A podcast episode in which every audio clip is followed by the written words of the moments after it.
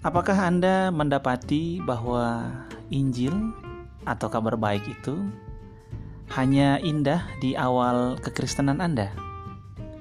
Dan apakah Anda juga mengalami bahwa semakin lama Anda menjadi orang Kristen, maka semakin banyak tuntutan dan tuntutan yang Anda terima jauh dari kabar baik yang dulu pernah Anda dengarkan, yaitu Injil.